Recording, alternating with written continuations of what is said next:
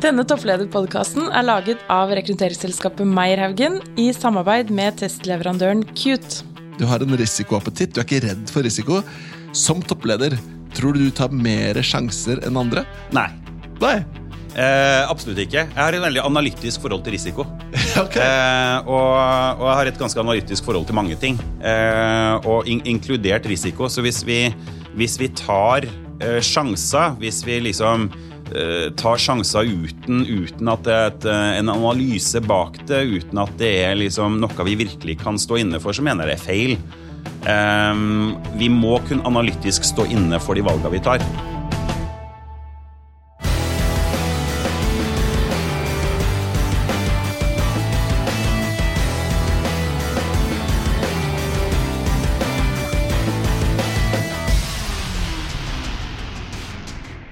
Ja, Sverre, i dag er vi så heldige at vi har med en fantastisk spennende gjest. Ja, det er eh, Daniel Skjeldam.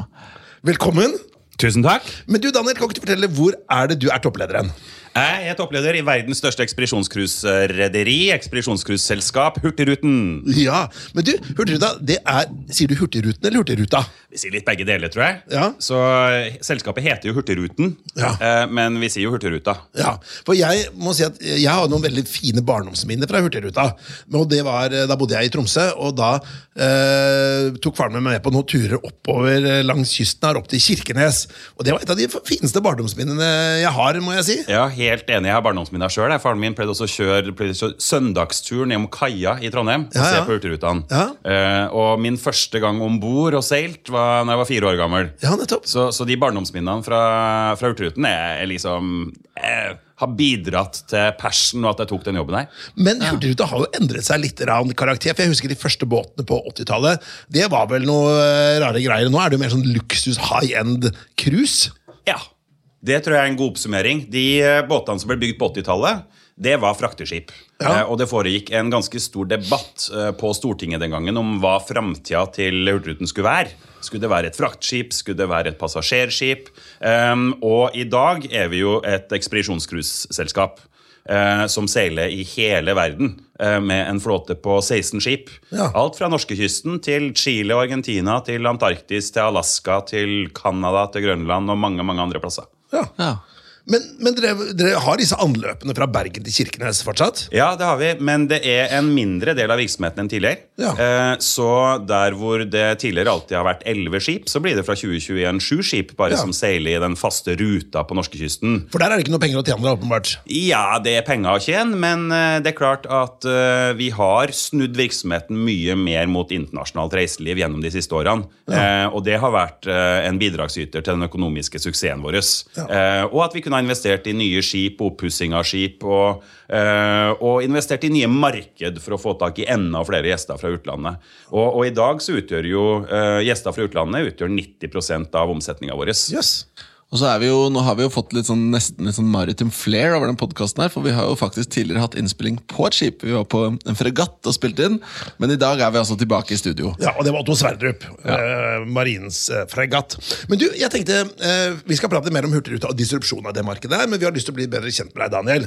Og hvis jeg hadde truffet deg på fest, eh, og så hadde jeg kommet bort til deg og sagt Du, Daniel, hva tenker du om? Og så hadde jeg sagt et eller annet, og det får deg til å bare tenne på alle de positive pluggene dine. Og bare tenke at dette kan jeg prate om hele kvelden og hele natta. Hva det man skulle vært? Ja, Det har blitt Hurtigruten, har det ikke det? Ja. Jeg har kommet til å snakke mye om det. altså På, på fest det er ikke til å stikke under en stol at det blir, blir litt sånn fagprat på, på fest. altså Folk jeg møter, er jo nysgjerrig. De er gjerne glad i å reise. Og de hører 'Å, jeg ser dere har skip i Antarktis. Hvordan er det?' Og 'Hvordan er Svalbard og Grønland?' altså Det blir jo litt sånn uh, hurtigruteprat på fest også. Ja. Men jeg har jo andre ting jeg er passionate på enn uh, en bare business. Hvilke andre ting da? Reising står meg veldig veldig nært. Uh, Jeg har reist uh, verden rundt i mange mange år. Jeg elsker å reise, spesielt til plasser som ikke så mange andre reiste. Sånn som så jeg har vært i Sånn som Drammen og Drammen og Trondheim og ja, Vi nevner i fleng. eksotiske Ja, steder. eksotiske steder. Ja. Nei, Jeg har snart vært i 100 land. Eh, og mange av de er jo ganske sære land. Eh, og jo særere, jo bedre. Ja. Så- Har du noen reisetips til oss, da? Ja, masse. Det, det kunne vi snakka om i mange mange timer. Men jo, altså min refleksjon rundt, øh, rundt land som ikke så mange andre drar til, er jo at, at f.eks. Nord-Korea Ja. Mange vil jo tenke at det er et livsfarlig land å dra til. Det er det jo ikke. Det er kanskje en av de tryggeste landene i verden. Um, og, og det er et særdeles interessant land å, å dra til. Iran.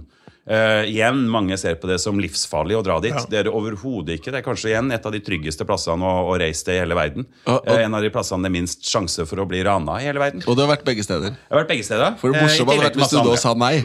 Det hadde vært veldig gøy. Men. Ja, nei, jeg har ikke vært der. Eh, så, så det er kanskje en av de aller største passionene jeg har, og som gjør at altså Det er jo en topplederpodkast. Du, må- du må finne sånne rom hvor du kan bare senke skuldrene helt. Og, og mitt rom for å gjøre det, det er på et litt sånn lokalt tog i en eller annen obskur plass hvor det er fryktelig lite turister. Så i sommer så var det backpacking i Øst-Europa. Fra Transnistria til Moldova til, eh, til, til Bulgaria og Romania. Så back, ja. Med tog og lokale busser. litt sånn forskjellig. hvem, hvem drar du med det? Nei, da, da dro jeg med min samboer. Så, så, mens det er liksom litt forskjellig fra plass til plass, avhengig av hvor, hvor farlig det er. Ja. Så, eller hvor, hvor farlig det ansett å være, ikke er, Ja. faktisk. Du, altså, det er jo min store passion, er også reising. Dette kunne vi jo prata om hele kvelden. altså. Men uh, jeg tenkte vi skulle komme på tre kjappe, Sverre. Ja, fordi på slutten av, eh, av denne lille innspillingen så skal vi stille deg tre kjappe spørsmål. Og det er der vi da stiller spørsmål som du kan eh, svare på for lytterne våre. Og da har vi lyst til å spørre deg om følgende. Eh, som toppleder så må man ta vanskelige valg. Hva er ditt beste, beste råd i forhold til å ta vanskelige valg? Eh, og spørsmål nummer to. Eh, hvor henter du inspirasjon? Og spørsmål tre. En annen ting som er viktig som toppleder, det er å være effektiv. Hva er ditt beste tips for å være effektiv og få ting gjort? da, ganske enkelt. Og det er jo jeg veldig spent på å høre svaret på selv. Ja, for det kan være viktig for oss også, Sverre. Vi tar imot eh, tips på det området. Men eh, Daniel, jeg tenkte vi skulle gå tilbake til dette med Hurtigruta. da. Så eh, nå har du allerede prata litt om Hurtigruta, at det er gått fra å være den derre hva skal jeg si, den eh, kystens eh, glade vandrer. Innom hver, det var ingen ham som var for liten til at du skulle til anløp. Til at eh, nå er det mer sånn high end ekspedisjonscruiseselskap for rike eldre amerikanere. I hvert fall det som eh, mine fordommer er på det. Ja, rik trenger det ikke å være, men, eh, men det er Du kan ikke være helt fattig eh, heller. Nei, kan ikke være helt fattig, du må spare opp, da. Ja. Eh, Men vi ser jo mange som ikke har en eh, ekstremt høy inntekt som sparer opp, eller det er folk med god økonomi eh, som reiser. Og så har vi jo fortsatt kysten. Det er en del av virksomheten, en viktig del av virksomheten fortsatt, men, men det er klart at, eh, at den tradisjonelle kystrutefarten er ikke et område vi kan vokse så mye på Nei. i årene som kommer. Så den store veksten har vært og kommer til å bli på internasjonalt ekspedisjonscruise. Men for, for, for meg så må jeg være ærlig og innrømme at Og jeg har tatt Hurtigruten selv, eh, til Kirkenes. Og jeg, har vært, eh, og jeg var i Kjøllefjord i sommer på bryllup. Og da var det plutselig så sa Hurtigruta, da kom jeg på at ja, men her har jeg vært før. Fordi jeg kom jo her med Hurtigruta. Og jeg har jo tenkt på denne kystlinja. Det har jo vært Hurtigruta for meg. Men hvor stor del av businessen er den egentlig?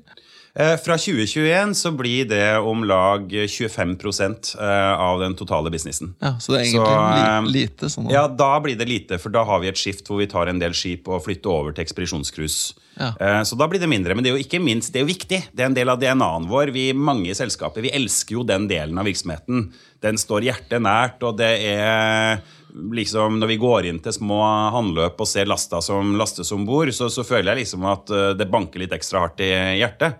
Men, men, men samtidig, det er på internasjonalt ekspedisjonscruise vi kommer til å vokse utover. Og, og den tradisjonelle hurtigrutedriften blir en mindre og mindre del, prosentvis, desto mer resten av Men, virksomheten men, men vokser. tror du vi kommer til å lese i nyhetene om ikke altfor mange år at eh, nå legger Hurtigruta ned denne kysttrafikken? At nå er det, liksom, nå er det bare sånn cruiseturisme igjen på gjerne sommer eller vinter, men at den der, eh, disse alle småanløpene, det er slutt på en gang? Nå er det jo, det er jo den norske staten som, som definerer hvor man skal på er den tradisjonelle ruta. For det er subsidier, for dere får ganske mye penger i året. Ja, det er subsidier, eller det er ikke subsidier, det er offentlig kjøp. Og det er et viktig, viktig forskjell på det, at offentlig kjøp er et anbud. Det Ja. vil si at du kan by eh, på hvor mye du vil ha for å gjennomføre det anbudet.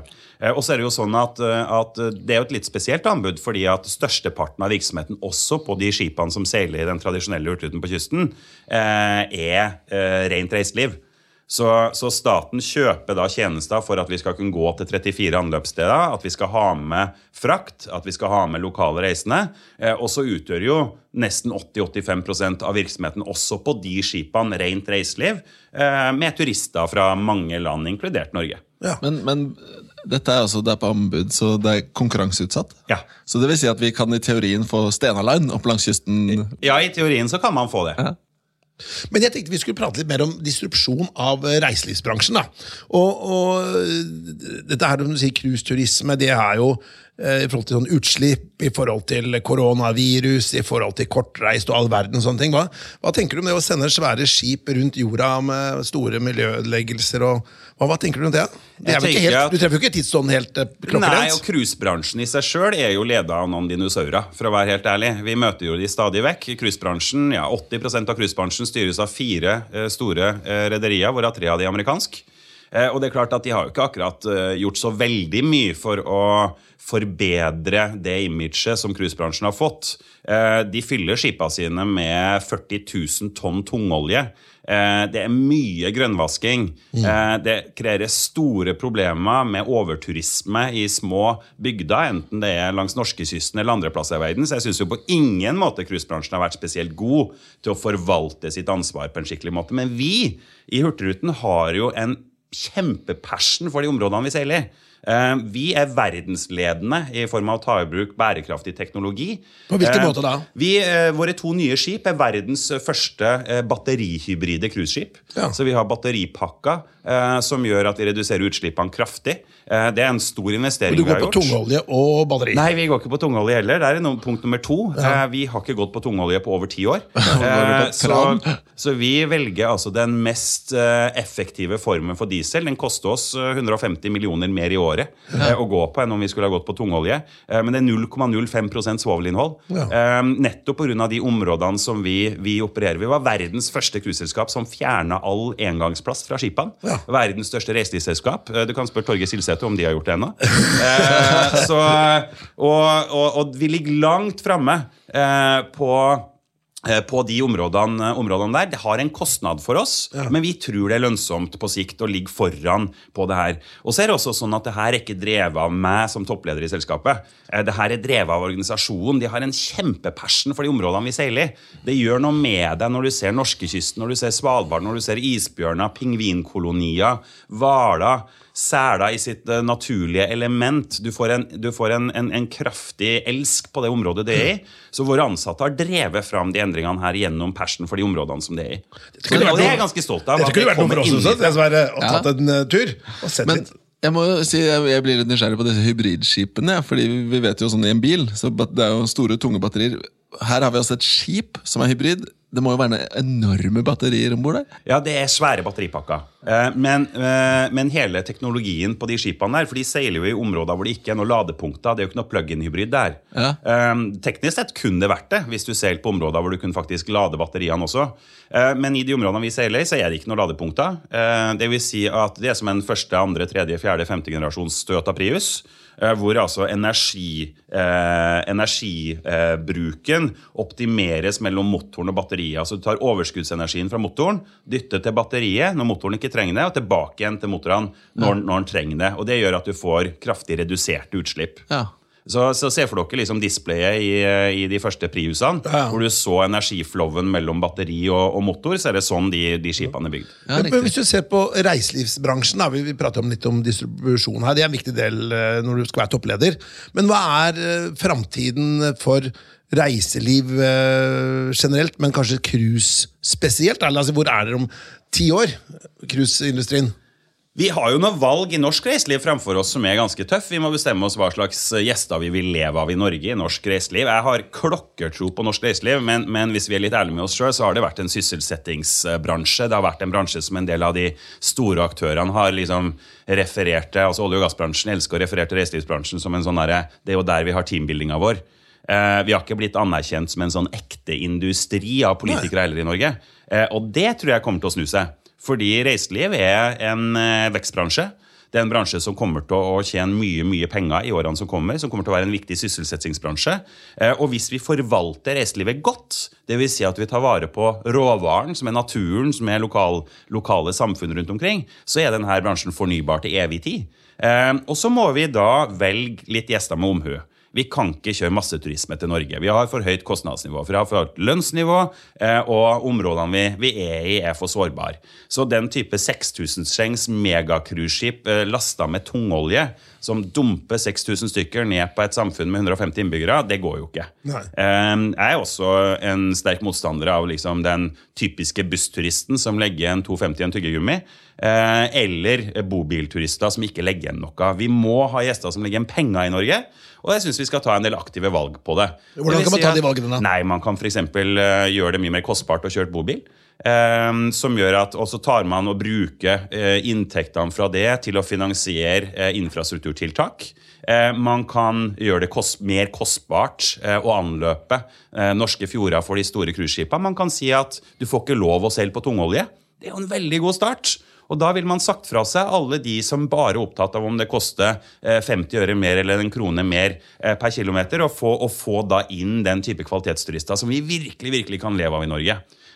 Men øh, Nå er vi kanskje på liksom politiske ting her, selvfølgelig, men i disse tider da, med miljøbevissthet og klimabevissthet, hvorfor gjør man ikke det? Hvorfor sier man ikke at nei, du får ikke kjøre tungolje inn i Sognefjorden lenger?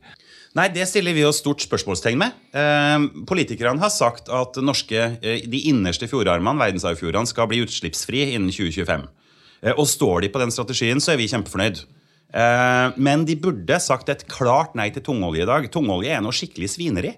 Det er den sirupslignende konsistensen som, eh, som man har sett på, på TV når skip har eh, dessverre Det er gått på nærmest er nærmest asfalt. Det er nærmest asfalt. Eh, og det er drepen for natur og dyreliv. Og eneste grunn til at man bruker det som energikilde på, på skip, er at det er billig. Eh, og så har, man jo en, eh, så har jo en del av de store cruiserederiene funnet en, en eminent måte å omgå utslippsregulativet på. Altså Skrøbbere er noe det snakkes mye om i bransjen. Eh, Skrøbbere er altså en sånn installasjon i pipa eller skorsteinen på et skip som skyter vannpartikler inn i det som kommer opp skorsteinen, altså avfallsstoffer, eh, så at det ikke skal gå opp i naturen eh, eller opp i, opp i lufta. eh, Og så skyller de det bare ut i sjøen. Så du, får, du tar altså avfallsstoffene i stedet for å gå til lufta, så bare skyller du ut i sjøen. Og det er klart, det er jo ikke noe god måte eh, å sikre bærekraften til, til bransjen utover på. Men, men for oss så har vi valgt å ta en helt annen standing på det. Vi investerer i bærekraft. Vi får gjester eh, som velger oss pga. de bærekraftige løsningene som de ikke ser at andre får. Så, så, og jeg tror at de selskapene som virkelig satser med hjertet på bærekraft, og ikke bare fordi det skal tikke boks, Mm. de kommer til å gjøre det mye bedre enn de selskapene som, som holder igjen, og som kommer for seint inn, i- inn i den trenden. For det her er ikke noe sånn derre ting som kommer til å vare i to år, og så har verden glemt bærekraft. Vi, vi har en ny verdensorden. Ja. Men du, jeg tenkte vi skulle gå litt mer over til dette med å være toppleder. For nå har vi prata mye om dette med reiseliv. Men eh, hvordan eh, ble du toppleder, da? Ja, Det er et godt spørsmål. Eh, Jeg har eh, ikke tatt sånn veldig mye strategiske valg gjennom som jeg har ikke drømt å være toppleder siden jeg var 18 år gammel. Eh, Det har blitt til av, av naturlige årsaker underveis på at jeg har tatt, tatt de mulighetene som har kommet. Og så har jeg vært litt sånn bevisst på en del valg. Jeg begynte i Norwegian som en del av startup-teamet tilbake i 2002. Eh, Da var det fordi jeg hadde en passion for å drive lavprisfly. Eh, Det var til og med før eh, vi starta med 737-operasjonen. Eh, Og da skreik jeg meg så godt som inn til et intervju. Etter veldig mange mange samtaler for å få det intervjuet. Så til slutt fikk jeg et intervju, og det skulle være ti minutter. Det var ikke egentlig et intervju engang, tror jeg. Det var et slags møte. Men jeg endte opp med en jobb. Eh, og det samme når jeg begynte i Hurtigruten, så var det ikke noen sånn headhuntere som, uh, som kontakta meg. Det har vært ganske sånn tyst fra de hele veien på den Ja. type jobber. Men du har tatt initiativet selv, at- Da tenkte jeg at tatt initiativet sjøl. Ja. og da tenkte jeg at hvis, at hvis at den jobben det var konsernsjef i Hurtigruten, hvis den jobben kommer til en headhunter, kommer de aldri til å ansette meg. Nei. Så jeg må forte meg før styret gir den jobben til Nedhunter. Ah. Eh, og det gjorde jeg. Og da gikk du og prata med Trygve? Da gikk jeg og pratet med Trygve, og så pratet jeg med resten av styret, og så, og så ble jeg ansatt. Men det tok jo litt effort. Det var jo ikke sånn at Trygve tok telefonen eller svarte på mail. Så, så det krevdes litt, litt innsats for å komme, for å komme Det er Trygve dit. Hegnar vi prater om Det er her. Trygve Hegnar vi altså. prater om. Ja. Men, men dette er jo interessant, fordi Styreleder og, og da største eier i Hurtigruten. Ikke sant? det, det, det du sier da, du sier jo egentlig to ting. For det første så sier du at du har aldri Det har vært litt sånn, det har blitt sånn, det har ikke vært noe sånn veldig strategisk osv. Samtidig så har du jo hatt en veldig aktiv rolle i det. F.eks. ved å sende liksom, kall en åpen søknad inn. Ja, så har jeg tatt en del Urias-poster. Eh, som, som, ikke åpenbart har vært eh, mulig å få suksess på. Altså når jeg var 29 år gammel, så, så spurte uh, Bjørn Kjos meg i Norwegian om jeg ville ta kommersiell direktørjobben. Um, og det var å samle en, en, funksjon som ikke hadde hatt noen leder, med et, et, et topplinjeansvar i et, i et, verdens raskeste voksende lavprisselskap på det tidspunktet. Uh, og det er klart at det var jo ikke, Jeg var jo ikke 100 sikker på at det kom til å gå, men jeg var 90 85, kanskje litt vel mye selvtillit. Men jeg var i hvert fall ikke redd for å ta muligheten. Men, men det og, altså... og det, så jeg kasta meg uti det og, og, tok det. Og det samme med, med Hurtigruten. Det var en sånn passion-greie. At jeg ville virkelig virkelig snu det selskapet. Og Hurtigruten på det tidspunktet tjente ikke penger. Hadde tapt penger i 20 år. Um, og, og sto foran en voldsom omstilling. Uh, men jeg kjente bare det her må jeg må få gjort noe med det her. Ja, Men du, du kalte den Urias-post. Ja. Altså, Var det fordi den var vanskelig? Det var liksom oddsene mot deg? Er det det du legger i det? Ja. ja. Så, og det var jo Hurtigruten også. Eh, det hadde jo vært eh, fem-seks forskjellige administrerende direktører over de, over de siste årene. Eh, og ingen hadde jo klart å snu økonomien i selskapet. Og pengene rant jo ut fortere og fortere og fortere. Men nå er det snudd, eller? Nå er det snudd. Nå, etter, etter, knallharde år hvor alle de ansatte har bare gønna på, stått på, så, så tjener vi godt med penger og investerer veldig veldig mye penger i, i oppdatering av flåta, nye skip, nye produkter eh, og hele pakka. Så jeg er utrolig stolt av den innsatsen som, som de ansatte i Hurtigruten har gjort gjennom de siste årene. For det, det, det å snu den, det tapssluket altså Hurtigruten ja. hadde ikke tjent penger siden ja. Olav Tryggvason går ikke Ja, nesten det. altså Man er tilbake på tidlig 90-tall, kanskje ja. slutten av 80-tall, eh, i hurtigruteproduktet. Eh, og man hadde solgt unna ferjeselskaper og busselskaper og lastebilselskaper, offshorerederi og skip og hele pakka for å holde seg flytende. Så, så, det var ikke en sånn åpenbar suksessstory, men det er igjen det, det jeg likte. da. Ja, ja, men for det, det, Jeg må bare dra liksom connected dots her. For ja. da har du tatt noen tydelige valg. Du har gått inn i en kommersiell direktørrolle i Norwegian. Eh, og så er det vel ikke helt usannsynlig at det at du klarte det, og lykkes med å skape økonomisk vekst der, har vært en bidragsyter til at du fikk denne muligheten, som du nå har lykkes med litt det samme i, på sett og vis. Ja, jeg hadde ikke fått jobben i Hurtigruten uten den jobben i Norwegian. Og, og, og det er klart, jeg jobba ti år i Norwegian. Det var fantastisk artig. Ja. ja. det var, Og spesielt de første tre, fire, fem årene. Uh, hvor jeg var i startup-teamet, hvor vi hadde skikkelig skikkelig dugnadsånd. Det var ordentlig entreprenørish. Um, og det var liksom pizza på, på bordet hver, hver, kveld, og folk sto på i knallhard konkurranse. Vi skulle starte et nytt flyselskap til å ta opp konkurransen med da selveste SAS. Ja. Det var jo kjempeartig. Og jeg var 26 år gammel, og jeg har aldri kosa meg så mye. Bjørn Kjos sa at det var den perfekte konkurrent. Verdens dårligste flyselskap. Ja, det var det. Eh, og det er klart at eh, man får jo også Nå et sats et annet selskap i dag, men den gangen så var de nok litt, eh, litt vel full av seg sjøl. Eh, og det er jo ingenting som er bedre enn å konkurrere mot et selskap som er full av seg sjøl. Ja. Men du, jeg tenkte sånn i forhold til dette med mellomlederskap og topplederskap. For um, dette er jo en topplederpodkast. Altså hvis du er nummer én i selskapet, det er jo du som CEO i Hurtigruta. Uh, men hvis du ser på ditt team, da, hva er det som kjennetegner de som går helt til topps, altså blir toppledere, og hva kjennetegner de la oss si, dyktige lederne, men som stopper da opp som mellomlederposisjon? Jeg tror det går litt på vilje og lyst, og, og om man kaster seg uti det. Eh, jeg syns jo det er utrolig artig eh, å sitte med det øverste ansvaret, men, men, det er annerledes enn å være mellomleder. Og det, det, er, det, er, mer krevende også på mange måter, eh, men det er artig. Og, og, det er klart at det som er den største forskjellen for meg når jeg kom fra kommersiell direktør i, i Norwegian, så var det en stor stor jobb med masse, masse ansvar og, og, masse action og, og artig. På, på, sin måte, Det som er største forskjellen med å bli eh, den øverste lederen, er jo at eh, for det første snakker jeg ganske høyt. Det merker jeg. Til lytterne så kan jeg fortelle at, jeg kan fortelle at jeg måtte flytte mikrofonen litt vekk. i starten uh, og det er klart at, at, Når du snakker veldig høyt som, som mellomleder, så er det én ting. Men hvis du snakker veldig veldig høyt som toppleder, så kan det bli litt mye. Da kan du bli ganske tydelig. Eh, litt vel tydelig. Eh, så det har jeg måttet liksom tenkt over. For den stemmen og, du har nå, det er din vanlige 'hei, hvordan går det'-stemme. Ja, det er 'hei, hvordan går det'-stemme. Så, så, tydelig. Hvordan er det når du roper da? Nei, jeg, jeg, prøver å rope litt så lite som mulig. For du har alltid utestemme, du. ja, så prøver å rope rop lite. Eh, jevnt, jevnt høyt nivå. Ja. Eh, men det er klart det andre er at, at eh, sånn Når du kommer på jobb du, du kan ikke liksom Organisasjonen ser jo på deg.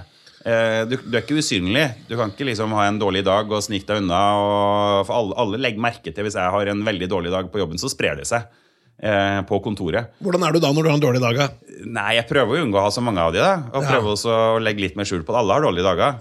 Eh, men, men det kan liksom hjelpe å ta seg en ekstra kaffekopp før man drar hjemmefra og få, eh, få, få rydda ut at man har en dårlig morgen. Men hva, gjør hva er årsaken til at kan ha en dårlig dag? Er det liksom noe, eh, er det noe børskurs? Er det liksom noe familiært? Eller er det fotballag? Eller? Det kan, det kan være alt mulig. Det kan bare være en sånn enkel ting at man, eh, man landa klokka halv to om natta med et forsinka fly fra en eller annen plass, og så skal man ha Fra første Iran møte klokka ja, fra, Så skal man ha første møte klokka 7.30, og så har man sovet liksom tre timer i snitt de siste tre dagene. Det gir Ja. jo liksom litt sånn dårlig grobunn for å være superentusiast på jobb, men da Ja. må man liksom børste av seg.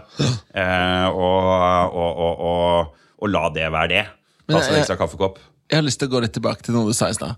Eh, For vi snakket om mellomledere og liksom opp mot toppledere, så snakker du om at man må ha en vilje. Men jeg vil jo tenke at jeg tror det er mange mellomledere som har viljen, som har lyst til å bli toppleder, men som likevel ikke blir det. Så det må jo være noe mer enn bare vilje. Hva, hva, hva slags evne Hva er det man trenger mer enn vilje? Eller er det pur flaks? Det, det er jo flere egenskaper. altså Jeg reflekterte ikke spesielt mye over det når jeg tok steget til eh, Hurtigruten, som var min, min første CEO-jobb. Eh, jeg tenkte eh, Hvor vanskelig kan det være? Ja. Eh, og jeg hadde jo vært leder for ganske mange ansatte også i, eh, i Norwegian. eh, under krevende forhold, med høy vekst, høy konkurranse, stor endring. Eh, så, så eh, kanskje var jeg dum på det tidspunktet, da, som, eh, som ikke var Ikke så alle liksom problemene med det. Eh, jeg så mer mulighetene med det. Og så er det noe med å liksom tørre å ta steget også, for alle har jo sin første topplederjobb. Um, og eh, alle vil jo gjøre noen feil innimellom. Eh, jeg var ganske heldig i min lederutvikling, fordi at jeg starta min lederkarriere i Forsvaret. Eh, og det er en genial lederskole, eh, for du blir pælma uti det Du var i hæren, leste jeg. ja. Eh, og du blir pælma uti det tidlig, eh, og du får god uh, Kall det analytisk support underveis. eh, god ledertrening. Du starter i små grupper, du jobber deg oppover. Eh, og det er klart du får gjort en god del feil. Eh, og, og det er jo feilene man lærer av. Og også, men, men jeg tror kanskje den, den viktigste eh, egenskapen som skal til, er at du må være litt uredd. Du må tørre å gjøre litt feil. Eh, og du må tørre å stå for det. Jeg gjør masse feil hele tida, og jeg tør å snu også hvis jeg gjør feil. Um, og det kanskje er den største barrieren for noen som vil ta det steget. Um, og liksom være litt villig til å, til å by litt på seg sjøl også, og tørre å kunne- innse at man har tatt feil. For det å være toppleder betyr ikke at man alltid har rett. Nei, Og så må du kunne legge det litt bak deg. Erna Solberg sier jo det at det er hennes største lederegenskap. At hun, at hun kan legge ting bak seg. Eh, kan man mene hva man vil om det, men det mener i hvert fall hun. da. For Du kan ikke gå og gnure på alle de tingene, hva folk sier om deg, eller Nei. hva du blir liksom feil du har gjort. da. Men- Nei, jeg har panserskall på akkurat, uh, akkurat den fronten. Men, Og eh, så jeg- tåler jeg å gjøre feil, og det tror jeg også som sagt, er en viktig egenskap. at uh, jeg- Jeg tror toppledere som alltid skal ha rett, det må for det første være veldig veldig slitsomt. Eh, og for det andre så gir det dårlige selskaper. Ja, og Da er du heller ikke djerv nok, sier jeg, for det er jo lett å bare play it safe hele tiden. Men, men da, er du, da tar du ikke disse sjumilsstegene i verken i riktig eller gal retning. Nei. Men, men det, jeg må spørre, fordi det er morsomt du bruker ordet panser, pan, at du har panserskall, og så snakker du om liksom ureddhet. Fordi jeg begynte liksom å danne meg et bilde her nå av Du har et utsagn som er litt sånn Pippi-ish over deg. da. I den der Pippi sier jo 'Det har jeg ikke prøvd på noe på, det er jeg sikkert drittgod på'. Og så snakker du om at du reiser til risiko, eller tilsynelatende risikosteder. Så du virker jo ganske sånn Du har en risikoappetitt, du er ikke redd for risiko. Som toppleder, tror du du tar mer sjanser enn andre? Nei. Nei. Eh, absolutt ikke. Jeg har et veldig analytisk forhold til risiko. Ok. Eh, og, og jeg har et ganske analytisk forhold til mange ting. Eh, og in inkludert risiko. Så hvis vi, hvis vi tar eh, sjanser, hvis vi liksom tar sjanser uten, uten at det er et, eh, en analyse bak det, uten at det er liksom noe vi virkelig kan stå inne for, så mener jeg det er feil. Um, vi må kun analytisk stå inne for de valgene vi tar. Og, og det er det samme som når jeg reiser til, eh, til uh, Iran, eller reiser med flyselskap som er på liksom, ti, på, på bunnlista av verdens flyselskap. Det er ikke for at jeg er liksom risikosøkende, Men, men det er jo en fryktelig fryktelig liten sjanse for at noe skal skje. Ja. Eh, Det samme med koronaviruset nå, som skaper, som skaper liksom stor skrekk rundt omkring i verden. Det er snakk om at det er, det er jo ikke mange som blir utsatt for det her. Risikoen er forsvinnende liten. Eh, Så det bør jo ikke analytisk sett påvirke reisevanene til noen som helst. Eh, Men det gjør det allikevel. Men det har de gjort, ja. Det har de gjort. Så, så, så jeg har et litt analytisk forhold til risiko, både sånn privat og, og, og også på jobb. Ja. Så jeg tar ikke, jeg hopper ikke inn i ting som vi ikke har liksom, eh, en god analyse bak at vi skal kunne få til. Og det er det jo teamet rundt som, eh, som eh, er god til å, å få fram, og, og som vi diskuterer fram og tilbake. Altså tall er veldig, veldig tallfokusert eh, når vi skal ta store valg. Men hvis du, et stort valg for mange toppledere er jo hva skal jeg si, rekruttering til eh, ja, enten toppledergruppa si eller på en måte nøkkelpersoner. da. Hvordan går du fram eh, med din analytiske tilnærming kanskje da, til rekruttering når du skal rekruttere til folk som skal rapportere direkte til deg? Ja, Det er kanskje det vanskeligste jeg gjør, og det viktigste jeg gjør. Ja. Å ha en, en topp ledergruppe rundt meg, det er min nummer én oppgave. Og Det tror jeg også er en sånn forskjell fra mellomleder til toppleder. For Hvis, du, hvis du kommer fra mellomlederrollen og tror at du skal levere 100% da øh, klarer du ikke topplederrollen. Du må fint leve med at, at det du sender fra deg, eller det du får, eller det som liksom blir outputen, er 80. Eh, kanskje til og med i beste fall. Og det er greit, så lenge det skjer ting. Så, så flytter man seg fra en mellomlederrolle hvor man kunne ha kontrollert alt, over til en topplederrolle hvor, hvor ting stopper opp på pulten din for at uh, alt skal være 100 da, da stopper jo selskapet opp. Og det, det tror jeg er en sånn viktig egenskap, at man må tåle å delegere, og, og tåle at ikke blir, alt blir eksakt som man har sett for seg. Mm. Men- Men men- tilbake til spørsmålet på, på rekruttering av, av, av min ledergruppe. Som sagt, det er det vanskeligste jeg gjør. Og det er så viktig. Det er jo de som, det er jo de som virkelig driver butikken. Eh, og som, som driver den i eh, Men hvordan, konkret, men hvordan konkret går du fram? da? Altså, du skal ha en ny CFO eller en ny HR-direktør. eller et eller annet sånt. Hvordan konkret går du fram da? Altså det, det jeg har gjort som tabbe ganske mange ganger Jeg tror kanskje rekruttering er det området jeg har gjort mest feil på uh, i, min, i min karriere. Og kanskje også de mest kostbare feilene, for det er dyrt. Det er noe av det dyreste jeg gjør. Uh, og, så, og så skal jeg være ærlig og si at uh, jeg syns jo ikke alltid at, at headhunterbransjen har vært like god til å, til å få fram de beste kandidatene. Og det syns ikke Word, heller. word, jeg det er jo derfor vi har starta selskap. Så, så, så den er kjempevanskelig. Men det er et par ting som jeg synes er utrolig viktig her. Det ene er å ha en, å ha en ledergruppe som ikke bare er menn på 55 pluss. Eh, hos oss i dag har vi 50-50 kvinner og menn under meg. Eh, og det er ikke for at jeg skal tikke en boks og si at jeg er så utrolig flink eh, på kjønnsbalanse. Det er fordi at det gir bedre resultater. Det er ingenting som gir så dårlige resultater som en bedrift som har den samme type menn eh, i ledergruppa, som alle sammen kjører samme bil og jakter sammen og heier på samme fotballag, eh, og, og ekskluderer diskusjoner gjennom den type atferd. Og det er overraska over hvor mye fortsatt det er igjen i norsk næringsliv av den type ledergrupper. Jeg forstår ikke at de overlever engang. Jeg tror ikke de kommer til å overleve heller.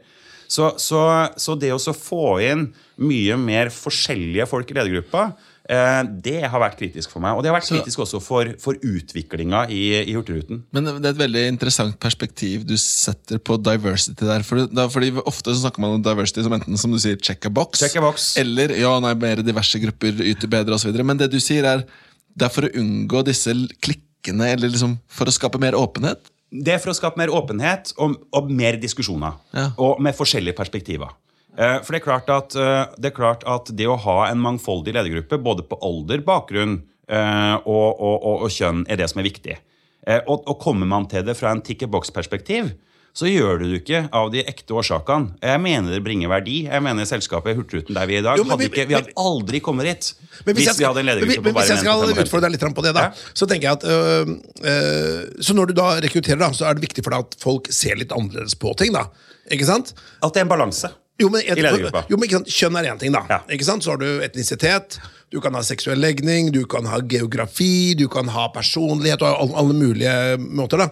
Men hvis du da sier at for Jeg møter jo mange personer som sier jo diversity eller mangfold er viktig. da. Og så tenker jeg, ok, Hva da mangfold? Altså jo, De kan ha begge kjønn, det kan være personer som er, har annen etnisitet. Men hvis du tenker det som er viktig, er jo på en måte at de ser ting annerledes på. da. For eksempel, altså, noen er mer risikoaverse, eller noen har mindre risikoappetitt. Noen er bull og bear. altså det er liksom sånn, Hvordan ivaretar du nettopp de perspektivene? da? Vi, vi eh, har kommet over til oss å, å teste våre lederkandidater, hvor det nå enn er i selskapet, på personlighetstrekk. Eh, så, og så er det jo viktig for oss å se at personlighetstrekka stemmer overens med liksom lende, som vi ser når vi intervjuer noen. Eh, og det, det, sånne tester er jo ikke 100 Eh, Men du får en, en god avsjekk på liksom hvor folk er. Og vi er ganske bevisst på hvor, hverandre, hvor hverandre er eh, i ledergruppa. Og så har du helt rett i at, at det er ikke liksom tick a box heller på at gitt at man har forskjellig kjønn, forskjellig alder, forskjellig bakgrunn, eh, forskjellig region osv., at det blir eh, den dynamikken som vi vil ha av den grunn. Det kunne ha jo fått den samme dynamikken eh, med en ledergruppe på bare menn på 55. Eh, Men sjansen er mye, mye lavere. Og man må se forbi tallene og statistikken på det. Og faktisk skape en dynamikk som er positiv, og bringe selskapet eh, videre. Og som gjør at vi innimellom har en del tøffe diskusjoner på, på retning. Eh, og det skal vi ha som ledergruppe. Um, og, og, og vi skal også få opp en del ting som ellers ikke ville ha kommet opp. Eh, og det mener jeg er viktig. Eh, og det er altfor mye tick to box-tenking i norsk samfunnsliv i dag. Staten mener jeg er den verste av alle.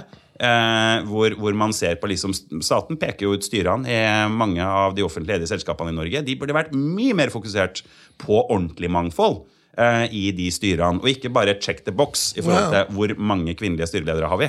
Ja. Eh, se på hele styresammensetninga. Få inn mer mangfold også i styrene. Eh, og, og det er klart, en ting jeg savner i norsk næringsliv i dag, eh, er en bedre balanse i forhold til etnisitet. Ja. Det er det altfor lite av. Eh, og rekrutteringsbasen er altfor liten til at vi klarer å gjøre noe med det. Men det som er viktig for oss, er å få inn stadig flere utlendinger til å komme til Norge og jobbe for oss. Ja. Eh, fordi de har med seg et annet perspektiv. Vi er nødt til å være en attraktiv arbeidsgiver for folk fra California, mm. eller folk fra Australia, eller folk fra andre plasser i verden, for å kunne bringe virkelig eh, selskapet ut eh, til kundegruppene som vi skal ha. Og det, det klarer vi ikke hvis vi kjører en ren eh, norsk ansettelsesfilosofi. Har du norsk som arbeidsspråk eller engelsk? Eh, mer og mer engelsk. Engelsk er hovedarbeidsspråket i selskapet. Det foregår jo samtaler på, på norsk, men bare de siste to årene eh, så har vi vel eh, til kontoret i Oslo rekruttert eh, ja, ikke langt unna 50-50 engelskspråklig, ja, norskspråklig. Da har dere jo et konkurransefortrinn i forhold til mange andre. Da, for Så, så vi har gått Norge over fra, Men vi har nå- over fra at liksom du kommer til kaffepraten på norsk, så at det er helt naturlig eh, å snakke engelsk rundt, rundt kaffeautomaten. Så det kan man si er liksom kaffeautomattesten. Men nå må vi gå videre. Eh, personlighet er jo en viktig del av topplederskapet. og Dette er jo da et samarbeid med Tesla-leverandøren Cute, som da har laget en personlighetstest som heter Shapes Executive, Sverre. Ja, og nå har jo du sagt selv at eh, dere velger litt på personlighet. Da må jeg jo spørre først, har du selv tatt disse testene dere bruker? Ja. Det har du. Ja. Og føler du at de traff på deg, at de beskrev deg godt? ja. Hvordan er personligheten til Daniel Skjeldam? Eh, nei eh, Nå er det en stund siden, et par år siden jeg tok den testen sist, men, men jeg har jo en del ganske kraftige utslag på actionorienterthet. Ja, altså det- handlingskraft. Det overrasker meg ikke i det hele tatt, egentlig. Eh, og Det er klart at, at det er viktig å kjenne seg sjøl, fordi at å være ganske, ha sterk utslag på handlekraft eh, er nødvendigvis ikke alltid positivt. Eh, så Hvis du bare sitter med folk med veldig veldig sterk utslag på handlekraft rundt deg, så kan det bringe en del handlinger som nødvendigvis ikke alltid vil være bra for selskapet. Ja. Andre ganger kan det være bra. Vi- Så, så igjen, igjen balansen i, i det er, er nødvendigvis ikke Det er ikke bare bra. Nei, også, men det Man må, jo, må kjenne det. Man må være klar over det. og så er det jo også sånn at disse aksene, når du får en test, så vil jo den handlekraften kanskje makse ut. Ja. Men den vil jo modereres av andre ting. For eksempel i stad så snakket du om din analytisk, analytiske væremåte, da, som jeg ville tro også kommer til utslag Ja. på et vis. Så jeg scorer, Det er tre, så vidt jeg husker, igjen, det er et par år siden testen, men jeg scorer sterkt på tre ting. Jeg scorer sterkt på analytisk, Ja. eh, jeg scorer sterkt på handlekraft, eh, og så scorer jeg i overkant sterkt på eh, konkurranse. Å ja, du gjør Så der kommer det kommersielle inn, da, eller? Ja, det er antageligvis det som, som virkelig slår inn. Men, men begge de to, både handlekraft og, og konkurranseelementet, er ting man skal være litt oppmerksom på. Eh, men jeg er, jo, jeg er jo ganske glad i å, å liksom vinne konkurranser. eh, I overkant glad. Men jeg vet også om det trekket, så, så, så jeg må ta det litt ned innimellom. Ja, men hvis, hvis, hvis vi går litt inn på person, personligheten, eller deg personlig, da. Hvis jeg hadde gått nå til din, eh, din eh, backpacking, eller eh, hva heter det, interrail-venn, samboeren din, og spurt Daniel Han framstår jo som en veldig sånn handlekraftig og analytisk type, men kanskje litt vel konkurranseinnstilt. Ville hun kjent seg igjen i det? Vi, vi, har jo hatt diskusjoner. altså jeg, jeg, kan jo liksom virkelig gå inn i særen for å vinne konkurranser uh, med liksom uh, barn på ni-ti år. uh, og jeg blir jo ikke stolt av det. Nei. Nei. Men jeg, sånn, jeg, konkurrerer aldri med min kone, men det er jo fordi hun har så stort konkurranseinstinkt. Og hun blir jo så sur hvis hun taper. Nei, så, så, jeg blir, altså Det der er jeg ikke alltid stolt av. det, det, det der, For at jeg, går med li, fynd og klem inn i sånne ting som jeg bryr meg litt om. Uh, F.eks. quiz syns jeg er veldig viktig å vinne. Uh, og jeg blir oppriktig sur hvis jeg taper. Eh, og, men jeg klarer også å, å, skjønne at jeg ikke alltid skal vinne over barn. Men så syns jeg også at man, man, skal ikke gjøre det til en, liksom, man skal ikke la de få slippe det for, for, enkelt heller. Man må skjønne at det er en konkurranse ute der. Men, men, men, men i, i, i, jobbsammenheng så, så, er det klart at jeg må, må, holde igjen litt på det. Det er ikke liksom pent når, når, når sjefen i selskapet skal grebbe til seg prisen på, på, på en eller annen internkonkurranse. Ja, ja. Men hva med dette, dette, Du framstår jo som også ganske ekstrovert, utadvendt, eh, sosial. Eh, FOMO, har du det? Fear of missing out? Ja. Mye. eh, og, og, det er klart, det er også, også, litt den balansen i forhold til hva man kan rekke over. Ja. Fordi, fordi jeg har sterk passion for mye. Eh, og, men jeg er også der at altså, jobben er en, eh, en livsstil. Ja. Eh, og, og, jeg er også der at jeg syns at, at, jobben er så artig. Uh, og jeg har det så, så, så bra på, på, jobb at jeg tåler å liksom ikke være med på absolutt alt av sosiale aktiviteter. Men det er klart at med veldig mye reisedøgn så kan jeg ikke være med på alt eh, av det som skjer på den, den sosiale fronten. og jeg må prioritere hardere og hardere. Det, det er en sånn litt sånn toppidrettsfunksjon å skulle være toppleder i et selskap med virksomhet på alle kontinenter. Eh, og med sterk vekst eh, og med masse, masse prosjekter. Så, så, jeg har blitt mindre og mindre, for mindre og mindre FOMO. Men du, jeg tenkte sånn, uh, Dette her med topplederskap, da, så har du da dette med kan man lede hva som helst? Du har vært innom forskjellige bransjer. Eh, kanskje reiseliv er kanskje en, en fellesnevner her. Men, men, mener du at man kan eh, lede hva man vil, eller må man stick to your guns? Jeg mener definitivt at man ikke kan lede hva man vil. Og jeg tror den type generiske toppledere eh, som man så, Det var en diskusjon om det var for 20 år siden, hvor, hvor topplederfilosofien var at er du en god toppleder, så kan du lede hva som helst. Det tror jeg ikke på lenger. Um, og jeg tror dagens bedrifter uh, er så spesialisert. Uh, og konkurransen ute der er så knallhard, spesielt på den globale arenaen, at du trenger toppledere som har en eller annen kompetanse inn mot den bedriften de leder. Jeg men, men tror, jeg tror den, type, den, type, toppleder som bare kan sitte der og lede, den kommer ikke til å klare det i, i dagens eller framtidas konkurransesituasjon. Men Daniel, la oss si at du hadde fått tilbud om å lede la oss si, en offentlig etat. da, for eksempel. Nå er jo uh, Sigrun Vågeng skal gå av i august for, for, Nav. Og så får du en telefon fra Erna Solberg, sier du. Daniel, kan du fikse Nav? Jeg kjenner meg sjøl så godt at den jobben eh, Med all respekt for de som tar den jobben, men da er vi tilbake til liksom hva man er god på som, som leder, og de egenskapene man, man uh, måtte trenge i den jobben der, som er spesielt å navigere i det politiske landskapet. Uh, og kunne trives med å navigere i det politiske landskapet med innspill fra alle mulige slags kanter. Ja. Det, det, hadde ikke vært min, min spesiale. Men det er en liten del av deg som sier at det hadde jeg fiksa. Nei.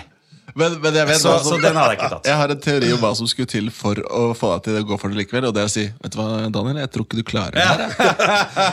Nei, men da er, vi tilbake, da er vi tilbake til analysen igjen. ikke sant? Altså, man, må, man må kjenne seg sjøl.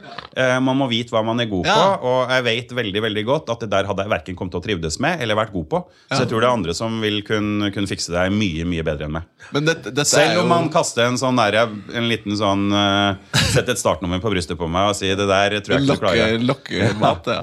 Men veldig, jeg synes det er veldig interessant å høre refleksjonene dine om egen personlighet. Og du er jo veldig åpen, og det er veldig sympatisk. Så det er en veldig god diskusjon. Men du, jeg tenkte vi må tenke litt på uh, avslutningen her. Og da har vi jo tre punkter. Det er en non-profit. Hvis du skulle lede en non-profit, Daniel, uh, hva skulle det vært? Jeg er veldig passionate på, på non-profits. Det er fryktelig mye bra folk ute der som gjør øh, vanvittig mye godt for verden rundt seg. Eh, så så eh, non-profits har jeg veldig veldig stor respekt for. Eh, jeg må si at, at det er spesielt de som jobber i tøffe områder rundt omkring i, i verden, hvor det er krig, hvor man utsetter seg for personlig fare for å gjøre livet til, til mange andre bedre. De har jeg enorm respekt for. Og det samme med den type mennesker som jobber med eh, de lavest stilte i samfunnet rundt oss i, i Norge, eh, som, som, som er alt fra Eh, fra flyktninger til, til, prostituerte til rusmisbrukere. Enorm respekt for den jobben de gjør. Eh, og jeg skulle gjerne på et tidspunkt involvert meg i en, eh, i en NGO som, som drev med det. Ja. For nettopp å kunne gi noe Hvis du skulle tilbake. kommet med ett konkret navn, da? Jeg har ikke et konkret navn på det. Det er mange som gjør en, en utrolig bra jobb eh, innenfor, men det er spesielt innafor de feltene eh, som, som, eh, som jeg på et tidspunkt kunne tenkt meg å, å, å gitt noe tilbake på. Ja, Da tenkte jeg vi skulle svare på disse tre kjappe, Sverre. Ja, Vi skal ikke svare på det, men Daniel skal få lov til å Ja. Og dere som lytter på, kan også tenke hva ville dere svart? Daniel, du har jo måttet tatt en valg opp igjennom. Eh, nå er du jo på toppen og må ta ansvar for de endelige valgene. Hva er ditt beste tips til folk når de skal ta vanskelige valg? Da er vi tilbake til analyse. Bruk tall, bruk analyse. Eh, putt inn en sånn 10 følelse òg. Ja. Eh, men men eh, jeg tror ikke det er lurt å basere hovedvekten av sine avgjørelser på følelser. Det tror jeg sjelden er lurt. Så har man analyse, har man tall, har man det som liksom eh, som fundamentet i avgjørelsen, og så putter man på 10 eh, eh, av hva man har lært seg og ser rundt seg, som til å liksom guide den analysen, så tror jeg man gjør gode valg. Men analysen må være eh, hovedvekten. Så veldig rasjonell tilnærming. Rasjonell tilnærming til, til valg, ikke følelsesmessig. Så bra. Da er, da er jeg spent på neste spørsmål om det er like rasjonelt. Eh, hvis du skal dele din beste kilde til inspirasjon Det må være eh, å være mest mulig ute i egen produksjon. Ja. Ja, Noen av de beste øyeblikkene jeg har på jobb, eh, er når jeg er ute i produksjonen sammen med crewet vårt, sammen med de engasjerte medarbeiderne våre. Så det her er ikke en sånn uh, flåsatt ting jeg bare sier. Eh, stå med kaffekoppen på brua.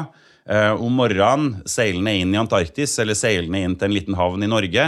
Eller å være en del av ekspedisjonsteamet og kun, kun være med gjestene våre på landinga eh, i Antarktis. Jeg gjorde det nå i november. Da brukte jeg nesten en uke med ekspedisjonsteamet. Jeg leda min egen landing eh, og leda ekspedisjonsteamet. Jeg kjørte tenderbåter med, med gjestene våre. Det gir for det første en fantastisk kjennskap til produktet. Eh, Det gir en enorm eh, kommunikasjon med de ansatte på et nivå som gir deg masse innsikt. Og ikke minst så gir det masse masse direkte gjesteinnspill fra noen som nødvendigvis vet, ikke vet at det er sjef i selskapet. Ja. Um, Så litt sånn det er secret shopper. viktig. Ja, men det er liksom å se operasjonen og føle operasjonen uh, førstehånds. Mm. Uh, det uh, syns jeg gir både inspirasjon og, og, og, og, og retning. Ja. Veldig veldig interessant. Eh, Siste spørsmål. Jeg er jo med i Foreningen for 25 timer i døgnet, for jeg trenger mer tid. Eh, Hva er ditt beste tips til folk som ønsker å være mer effektive og få gjort mer? Prioritering. Ja. Det er ett enkelt eh, ord som svarer på det. Man kan ikke dekke overalt. Man må prioritere. Og man må være god på å prioritere. Eh, veldig mye av dagen min består i å liksom prioritere mellom oppgaver som er viktig, eh, ikke viktig. Noen gang prioritere bort ting som er morsomt, som jeg har lyst til, eh, og, og heller gjøre de tingene som faktisk er viktige. Og som toppleder så er det et annet eh, moment, og det er delegering. ja, Så prioritering og delegering. Ja. Og det er, ikke det er ikke alle som er i den luksusen at man kan delegere, men kan man det, så, så er det ofte sånn at, at mange under blir bare glad for å få ansvar, fullt ansvar da, Ja. eh, for, eh, for oppgaven. Men, men eh, det viktigste er prioritering. Bra. Jeg tenkte skal vi klappe til kai og kjøre en ordentlig dobbel halvstikk for å få podkasten vel fortøyd? Jeg prøver å lete febrilsk etter maritime uttrykk, men det kommer til kort. Ja. Eh, Men du, Daniel, tusen takk for at du kom eh, i studioet vårt. Veldig interessant å høre på deg. Og vi får bare heie på Hurtigruta. Og kanskje vi tar det som du burde ut av en gang, eh, Sverre. Og synes tester jeg. og stresstester dette produktet. Det må vi prøve på. ja. Tusen, tusen takk. Tusen takk. Hei, hei. Har du innspill eller kommentarer til denne podkasten, kan du sende en e-post til toppleder at meierhaugen.no.